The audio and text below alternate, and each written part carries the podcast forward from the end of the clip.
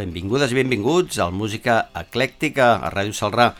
Com que avui és el tercer dimecres de mes, ja sóc aquí amb un nou programa. Avui a Ràdio Salrà i demà dijous a Ona Sants Montjuïc i a Ràdio Sal. Salutacions a totes i a tots.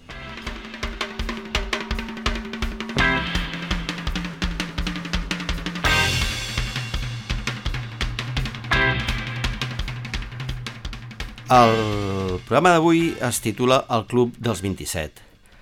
El Club dels 27 és el nom que se li ha posat a una llista de persones del món de la cultura que han traspassat els 27 anys d'edat, o sigui, molt joves. Principalment es tracta de músics, però també hi ha celebritats d'altres àmbits com la literatura, el cinema, l'art o l'esport. Al voltant de la llista han sorgit articles, teories estadístiques, estudis científics, exposicions, novel·les, obres de teatre, cançons, còmics i videojocs. En aquest programa no vull entrar gaire en els detalls escabrosos ni en les causes de la mort prematura d'aquests músics, sinó destacar el que van ser capaços de fer en tan pocs anys. I ho faré per ordre cronològic de naixement i de decés. I comencem amb Robert Johnson, nascut al 1911 a Hazelhurst, Mississippi, i mort a Greenwood, Mississippi, el 1938. Un dels cantants i guitarristes més influents en l'evolució del blues i de retruc del rock. Se li atribueix l'invenció de l'estil Delta Blues i la tècnica del bottleneck, o sigui, el de fer lliscar sobre les cordes de la guitarra un coll d'ampolla o una peça metàl·lica. I també el de la interacció entre melodia, baix i ritme a la vegada, només amb la guitarra, cosa que donava gran riquesa al so. La llegenda diu que Johnson no era un gran guitarrista, un dia es va topar en una cruïlla amb el diable, qui li va afinar la guitarra a canvi de la seva ànima, i va tornar convertint-se en el millor guitarrista. En fi, és una llegenda per justificar per què era tan bo i va innovar tant. La qüestió és que només amb 29 temes enregistrats és un dels grans referents per als grans guitarristes del blues i del rock, escoltarem un dels seus temes clàssics, Sweet Home Chicago, Robert Johnson.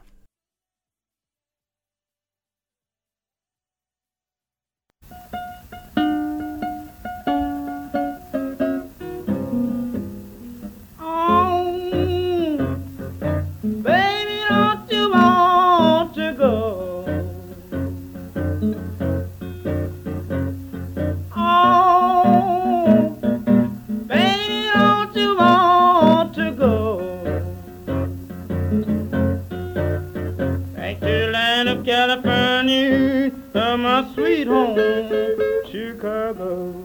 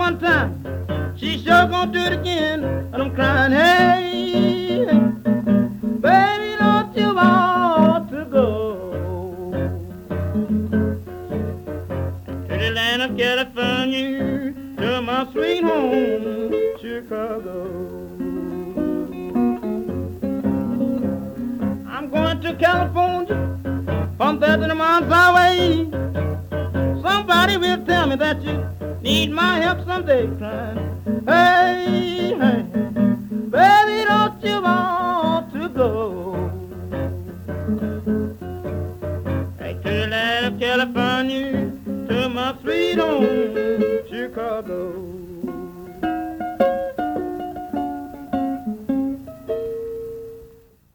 Brian Jones va néixer l'any 1942 a Cheltenham, Gloucester, Anglaterra.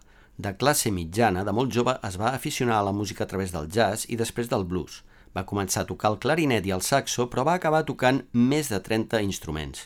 Va formar els Rolling Stones l'any 1962 amb Jagger, Richards, Dick Taylor i Ian Stewart, essent el líder de la banda en els seus primers discos, tocant la guitarra acústica i l'harmònica, a part d'altres instruments – va ser clau per conformar l'estil del grup, tant a nivell musical com estètic. Encara que també composava, aquesta faceta la va deixar el duet Jagger Richards i es va centrar en la música. Però la seva personalitat excèntrica i impredictible, amb tendència a l'aïllament i habituals canvis d'humor, el van anar separant dels seus companys fins a abandonar la banda l'any de la seva mort, el 3 de juliol de 1969. No entraré gaire en les causes de la seva mort, però sembla que la versió oficial, lligada a l'abús de les drogues, que interessava a l'establishment per tal de castigar tant a la banda com advertir a la joventut de les seves conseqüències, no és la real, sinó que l'homicidi sembla ser la causa real.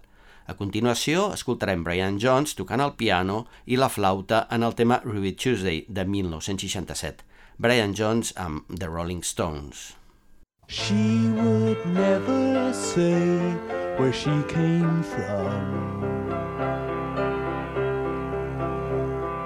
Yesterday don't matter if it's gone. While the sun is bright, or in the darkest night, no one knows. She comes and goes.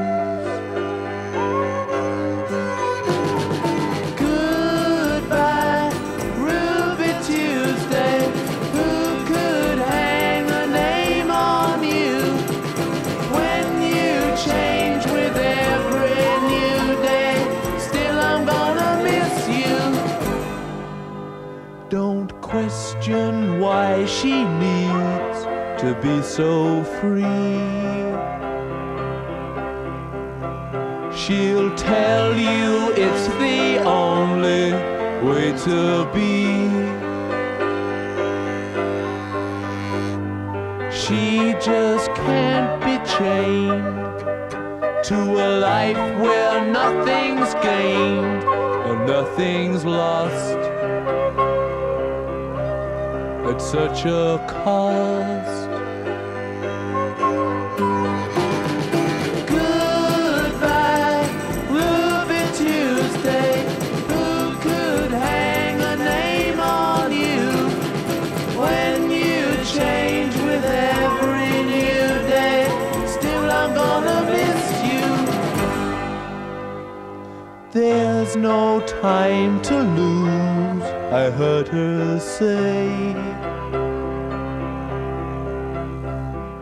Catch your dreams before they slip away. Dying all the time. Lose your dreams and you may lose your mind. In life unkind?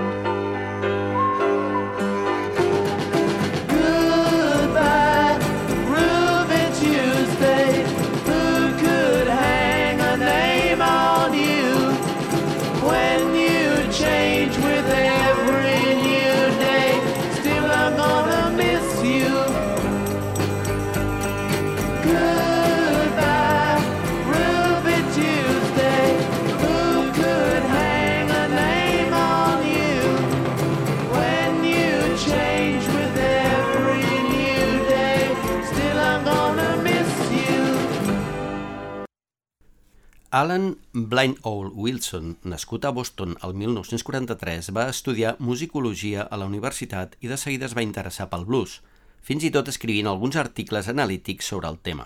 Tocava el piano, la flauta, la guitarra, cantava i era un excel·lent harmonicista. L'any 1965 va ajudar a redescobrir a un dels pares del Delta Blues, Son House, col·laborant en la gravació del seu àlbum de retorn i tocant la segona guitarra i l'harmònica. Aquell mateix any va fundar la banda Canet Hit, una de les pioneres del blues rock, famosa pels seus directes enèrgics, amb qui va gravar sis LPs, amb dues cançons que van tenir força repercussió, Going Up the Country i On the Road Again. A part de Songhouse, també va gravar amb John Lee Hooker, John Fahey, Fred Neil i Sunnyland Slim. Van actuar a Scanet Hit al Festival de Monterrey del 67 i al Woodstock del 69. Alan Wilson va morir el 3 de setembre de 1970. Escoltem el tema Help Me, del seu segon disc. Alan Wilson amb els Canet Hit. Help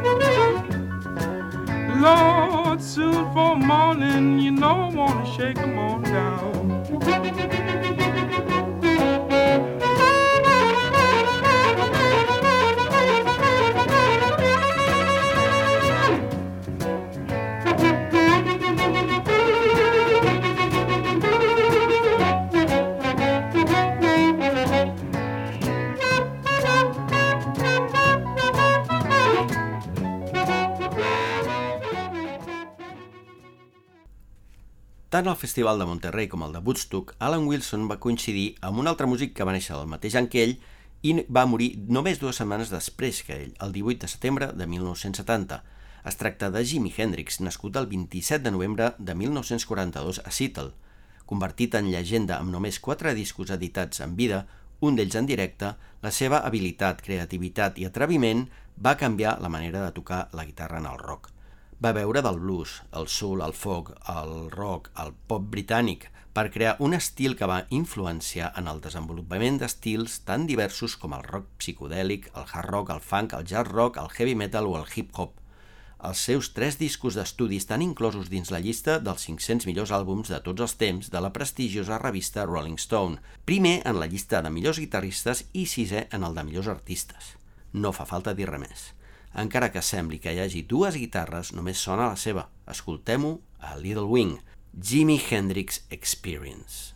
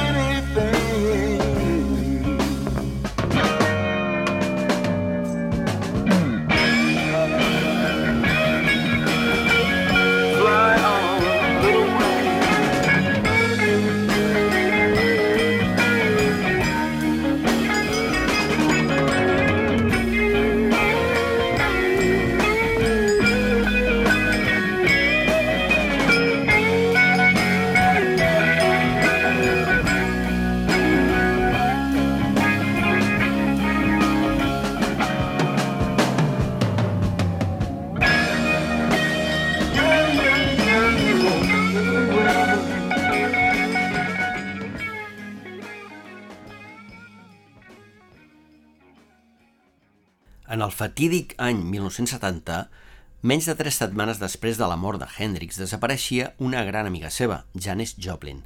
Concretament el 4 d'octubre. Havia nascut el 19 de gener de 1943 a Port Arthur, Texas. La dama blanca del blues es va donar a conèixer al Festival de Monterrey quan era cantant de la banda Big Brother and the Holding Company. Dos anys més tard, a Woodstock estava en el punt àlgid de la seva carrera ja en solitari. La seva actuació va ser un dels moments memorables del festival i la va consolidar com a icona del rock, del hipisme i la contracultura dels anys 60. Com el seu amic Hendrix, el seu llegat són quatre àlbums, un de pòstum. De la mateixa manera que Hendrix després ja van tenir edicions de tots els directes i recopilatoris possibles. Escoltem-la a The Last Time, Janis Joplin amb Big Brother and the Holding Company.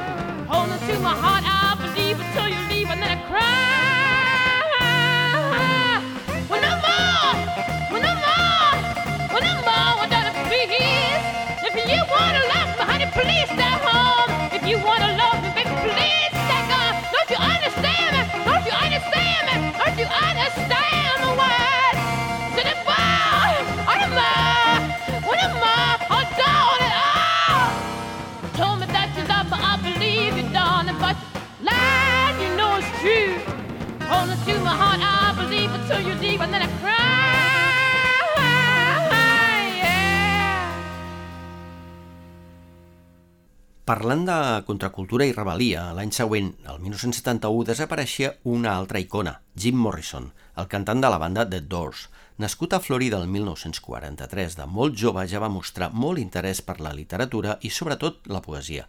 Es va establir a Los Angeles estudiant cine a la Universitat de UCLA i es va començar a introduir en l'escena contracultural de la ciutat, assistint amb freqüència a sessions de poesia i de música.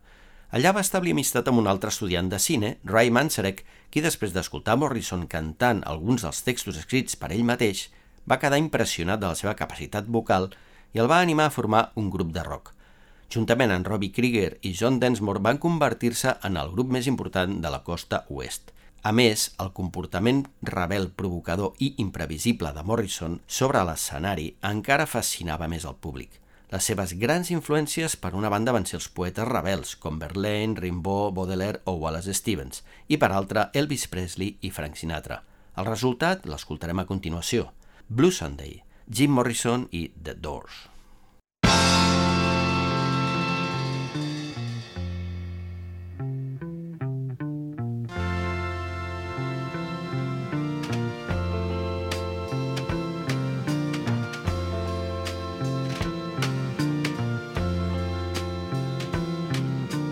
I found my own true love was on a blue Sunday. She looked at me and told me I was the only one in the world. Girl. My girl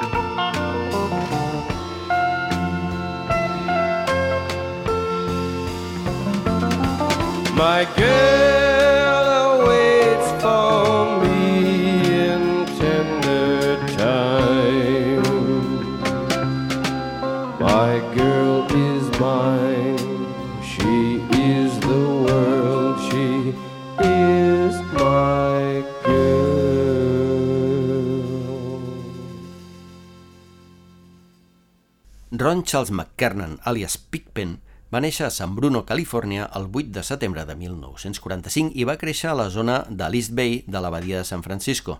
Músic autodidacta, va començar a tocar el piano molt influenciat pel blues de Muddy Waters i Howling Wolf. També va ajudar el fet de que el seu pare era DJ de rhythm and blues. Va ser un dels fundadors de la banda Grateful Dead el 1965 a Palo Alto, on tocava els teclats i l'harmònica i ocasionalment cantava. El seu amor pel blues i el folk va ser una de les raons per les quals la banda es va mantenir sempre fidel a les arrels, a pesar de l'experimentació amb la cultura psicodèlica que van tenir, impossible d'evitar en aquells anys. Els seus problemes de salut van fer que deixés la banda temporalment el 1970 i també el 1972, fins a la seva mort el 8 de març de 1973. A pesar de la seva prematura desaparició, està present en els vuit primers àlbums de la banda. Escoltem el tema Black Peter, Pigpen i Grateful Dead.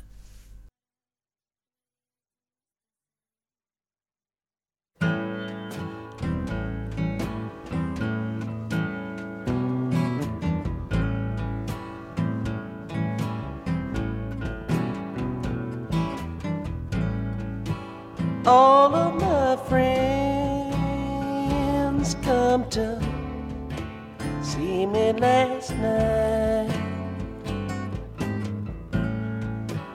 I was laying in my bed and dying.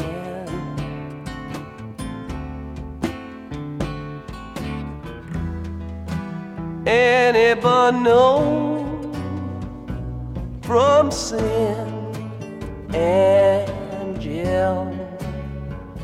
Say the weather down here so fine.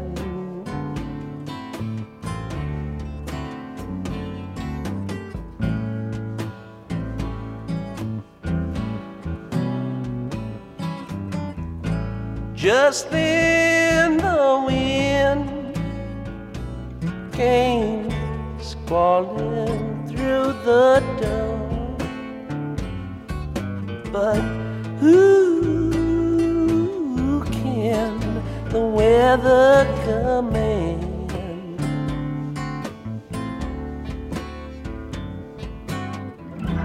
Just wanna have a little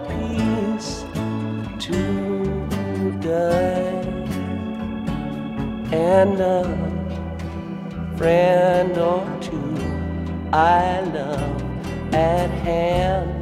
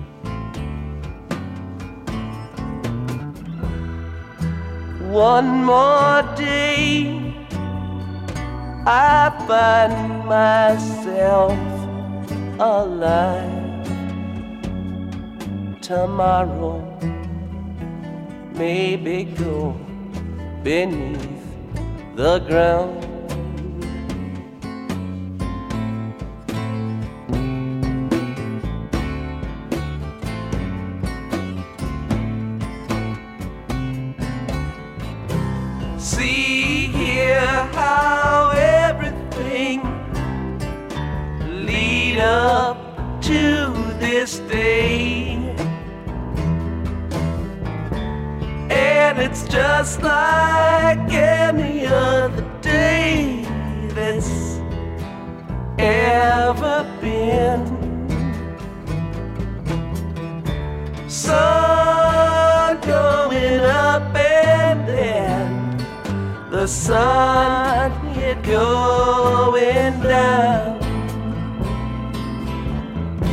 Shine through my window, and my friends they come around. mama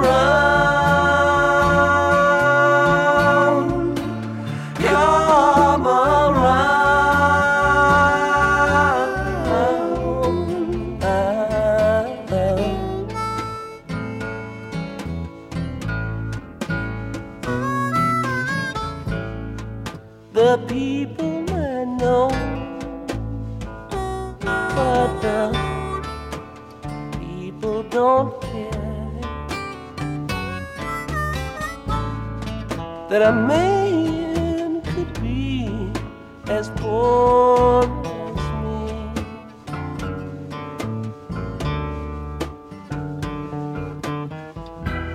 Take a look at poor Peter. He's lying in pain. Now let's go run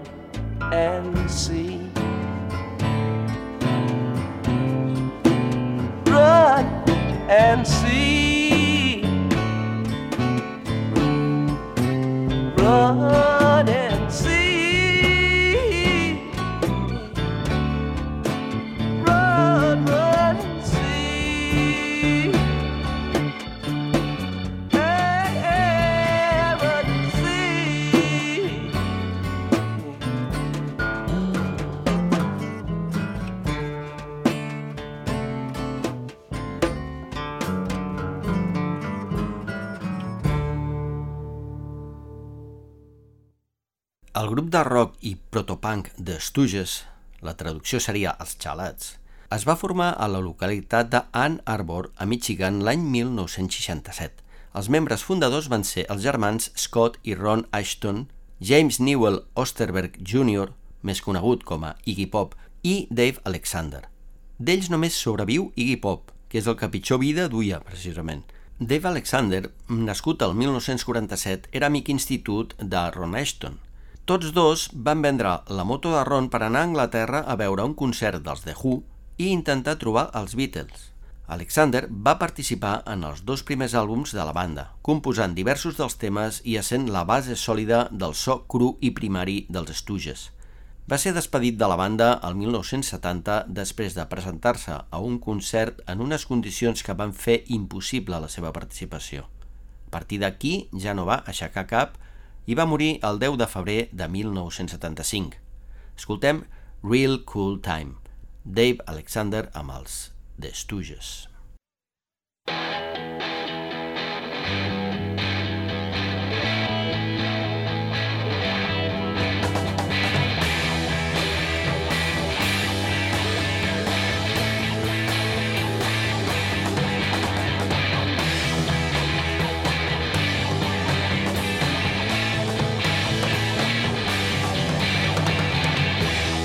Can I come over tonight? Can I come over tonight? What do you think I wanna do? That's right. Can I come over tonight? I said we will have a real cool time tonight. I said we will have a real cool time tonight. I said we will have a real cool time. I said we will have a real cool time said we will have a real cool time tonight. I said we will have a real cool time. We will have a real cool time. A real cool time tonight.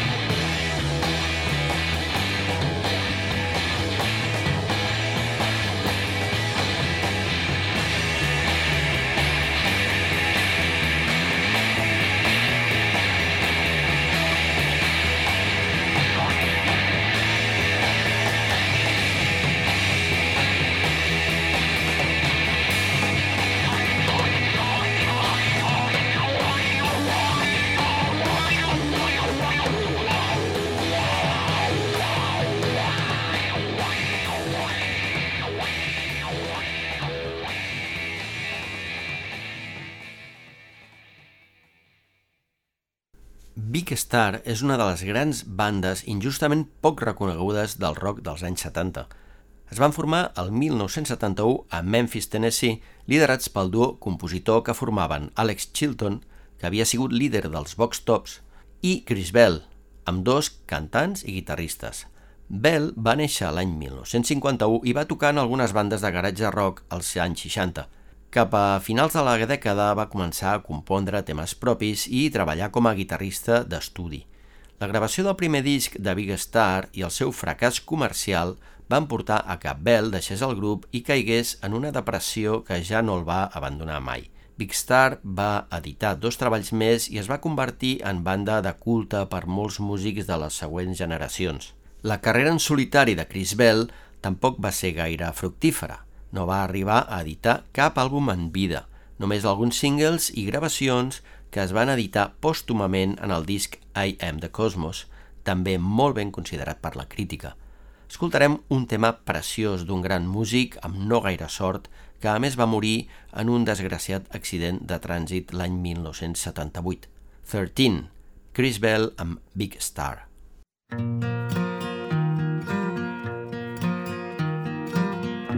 Won't you let me walk you home from school? Won't you let me meet you at the pool?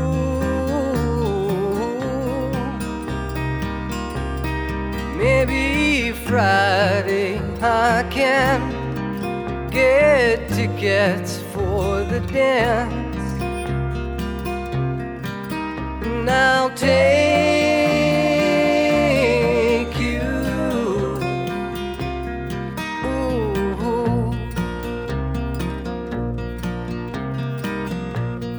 tell your dad, get off my back? Tell him what we said about painted black. Rock and roll is here to stay. Come inside, well, it's okay. Now shake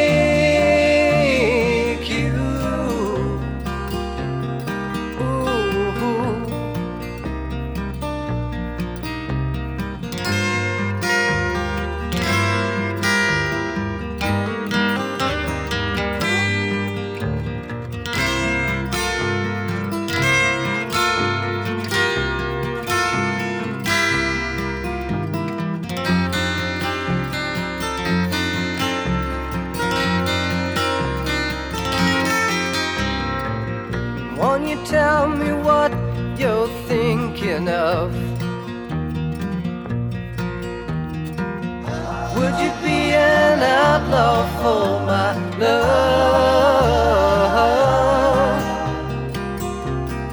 If it's so, well, let me know. If it's no, well, I can go. I won't make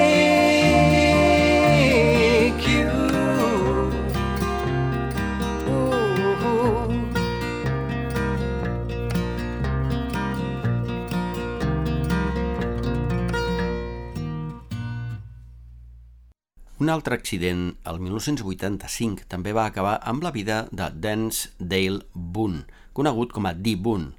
Havia nascut el 1958 a Los Angeles, dins una família de classe treballadora, però el seu pare era músic de jazz i ell l'acompanyava als concerts i assajos. Va començar a tocar la guitarra influït pel jazz, el funk i el punk rock dels Stooges i els Ramones. Va fundar amb el seu amic Mike Watt la banda Minutemen el 1980, dins l'escena punk, però amb un so eclèctic on hi cabia el jazz, el blues i el funk.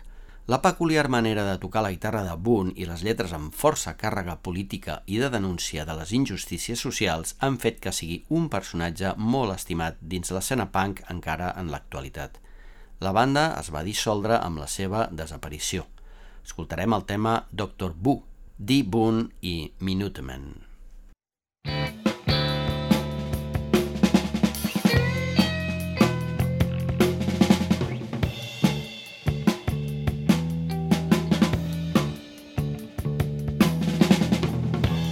Don't seem right. Well, I've been strung out here all night. I've been waiting for the taste you said you'd bring to me. Biscayne Bay, where the Cuban children sleep all day. I was searching for the song you used to sing to me. Katie lies, you can see it in her eyes. Imagine my surprise when I saw you. Are you with me, Dr. Wu? Are you really just a shadow of the man that I once knew? Are you crazy? Are you high? Are you just an ordinary guy?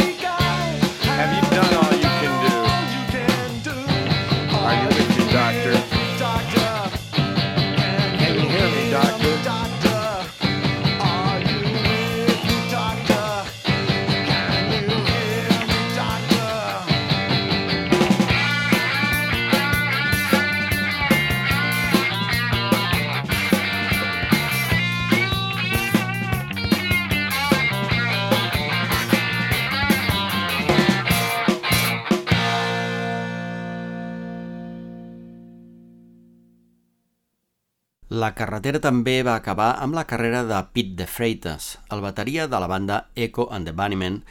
Això va ser el 1989. Havia nascut l'any 1961 a Trinidad i Tobago dins una família de músics. La mare era pianista clàssica, el pare baterista de jazz, el seu germà Frank, baixista de la banda The Woodentops, i dues de les seves germanes van formar la banda The Heartthrobs. Traslladats a Liverpool, Pete va començar a tocar la bateria als 14 anys en bandes locals. Es va unir als Bunnymen i de seguida es va reconèixer el seu talent com a baterista per la seva energia i estil, en part influenciat pels sons de la seva infantesa al Carib. Va ser bateria en els primers cinc àlbums d'una de les bandes de post-punk més influents i importants de la dècada dels 80. Escoltem-lo tocant en aquest Do It Clean de l'àlbum Crocodiles, Pete de Freitas i els Echo and the Bunnymen.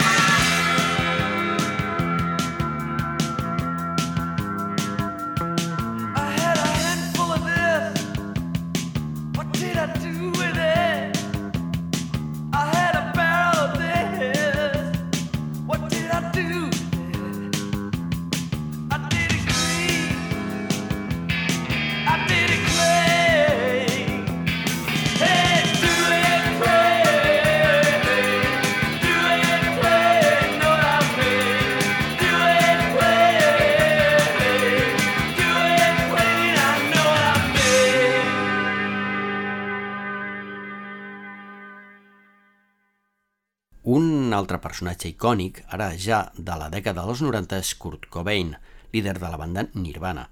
Nascut el 20 de febrer de 1967 a Aberdeen, a l'estat de Washington, i mort el 5 d'abril de 1994 a Seattle. El divorci dels seus pares quan tenia 9 anys va marcar molt la seva personalitat introvertida i tendent a la solitud, trobant el seu refugi en l'art, l'escriptura i la música.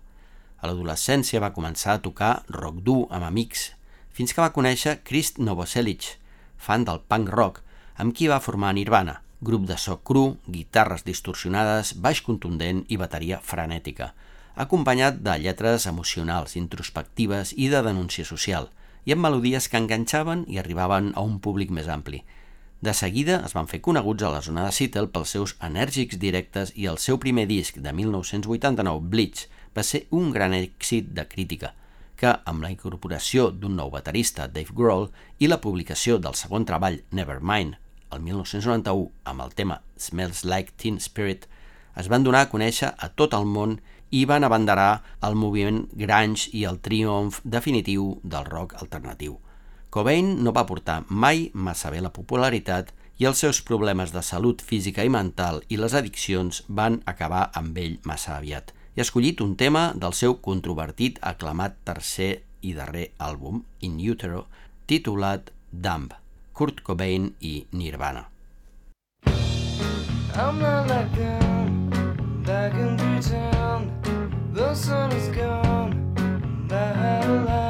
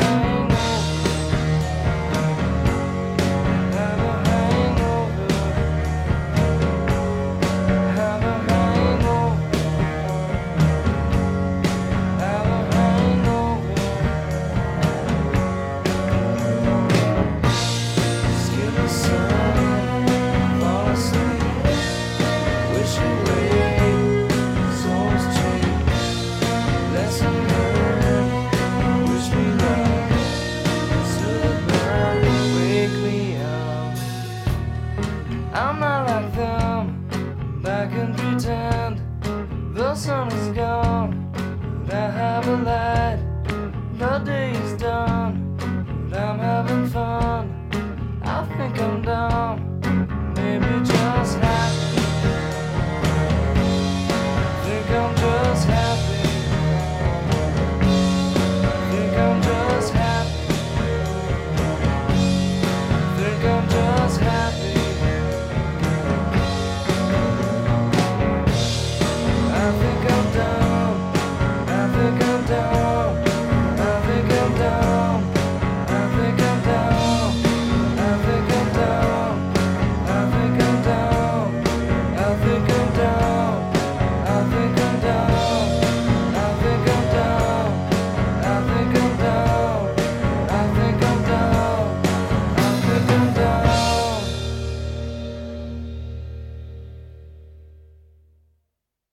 La parella sentimental de Kurt Cobain i mare de la seva filla, Courtney Love, va ser la líder del grup Hole, del qual en va ser baixista Kristen Pfaff. Pfaff va néixer a Buffalo el maig de 1963, tres mesos després que Cobain, i va morir el 1994 a Seattle, dos mesos després que Cobain. De família de músics va començar a tocar el piano i ja d'adolescent va començar a tocar el baix i es va interessar pel punk rock i el rock alternatiu. Va marxar a estudiar a Minneapolis, on va formar la banda Janitor Joe el 1992, amb qui va gravar dos àlbums per marxar després un altre cop a Seattle i entrar a formar part de Hole el 1993, tocant el baix en l'aclamat àlbum Life Through This, que va ser el seu últim treball abans de morir. Escoltarem un tema d'aquest disc, titulat Edit in the Straight World. Kristen Pfaff amb Hole.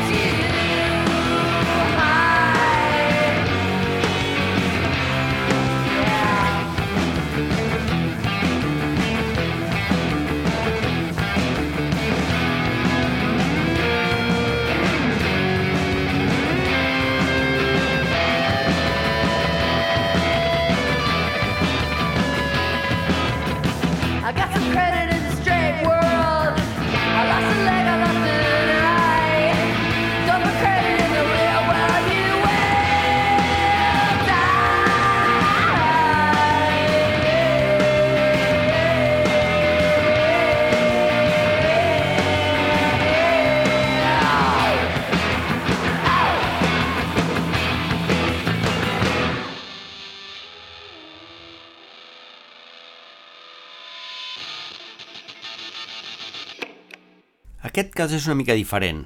Richard James Edwards va néixer el 22 de desembre de 1967 a Gales i va desaparèixer el 1 de febrer de 1995, als 27 anys. Va ser declarat oficialment mort el 2008. Va formar part de la banda Manic Street Preachers. Va començar dissenyant la portada del primer senzill del grup, passant més endavant a ser lletrista, dissenyador de les portades dels àlbums i la resta de material gràfic. També simulava que tocava la guitarra en els directes perquè no en tenia gaire idea. Edwards va escriure la major part dels temes del tercer disc del grup, The Holy Bible, que va tenir poques vendes però molt bones crítiques. I encara que musicalment no tocava cap instrument, sí que va tenir una forta influència en el so del grup. Com a lletrista se'l considera un dels millors de la seva generació. Abordava tant temes històrics, humans, socials i polítics com els seus problemes psíquics i físics, sempre amb un to derrotista i dramàtic. Escoltem un tema del disc The Holy Bible, Rebel, Richard James Edwards amb The Manic Street Preachers. Mr.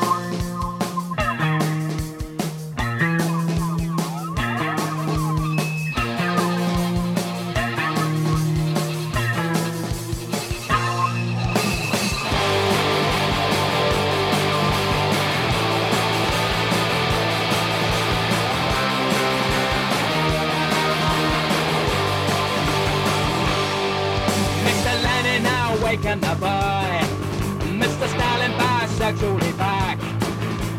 First job, South Barbadian, Mirage. Fresh up and took up sex. I got my top sell out my top of my towns. They'll send for your only town.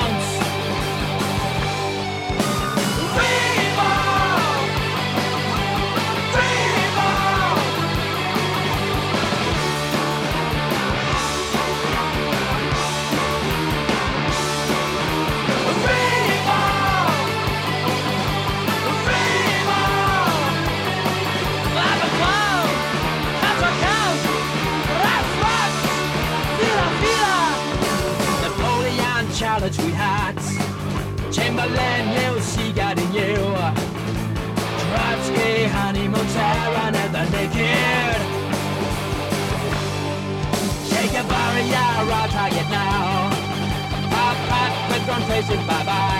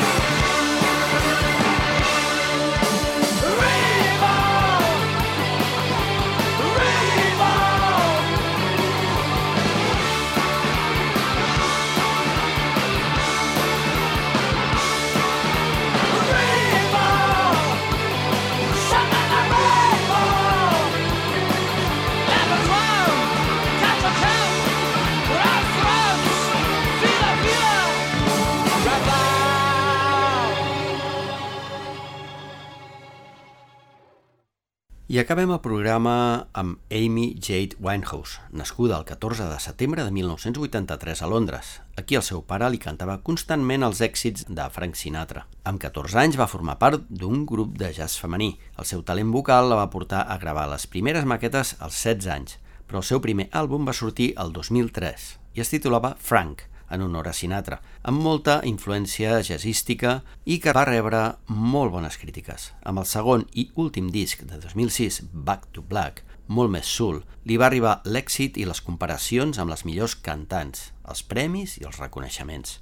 I aquí es va acabar, a part d'algunes col·laboracions, alguns senzills i un DVD. La seva vida dissoluta i una relació tòxica la va portar a morir el 23 de juliol de 2011. Escoltem el tema October Song, Amy Winehouse. Fins al mes que ve, porteu-vos bé.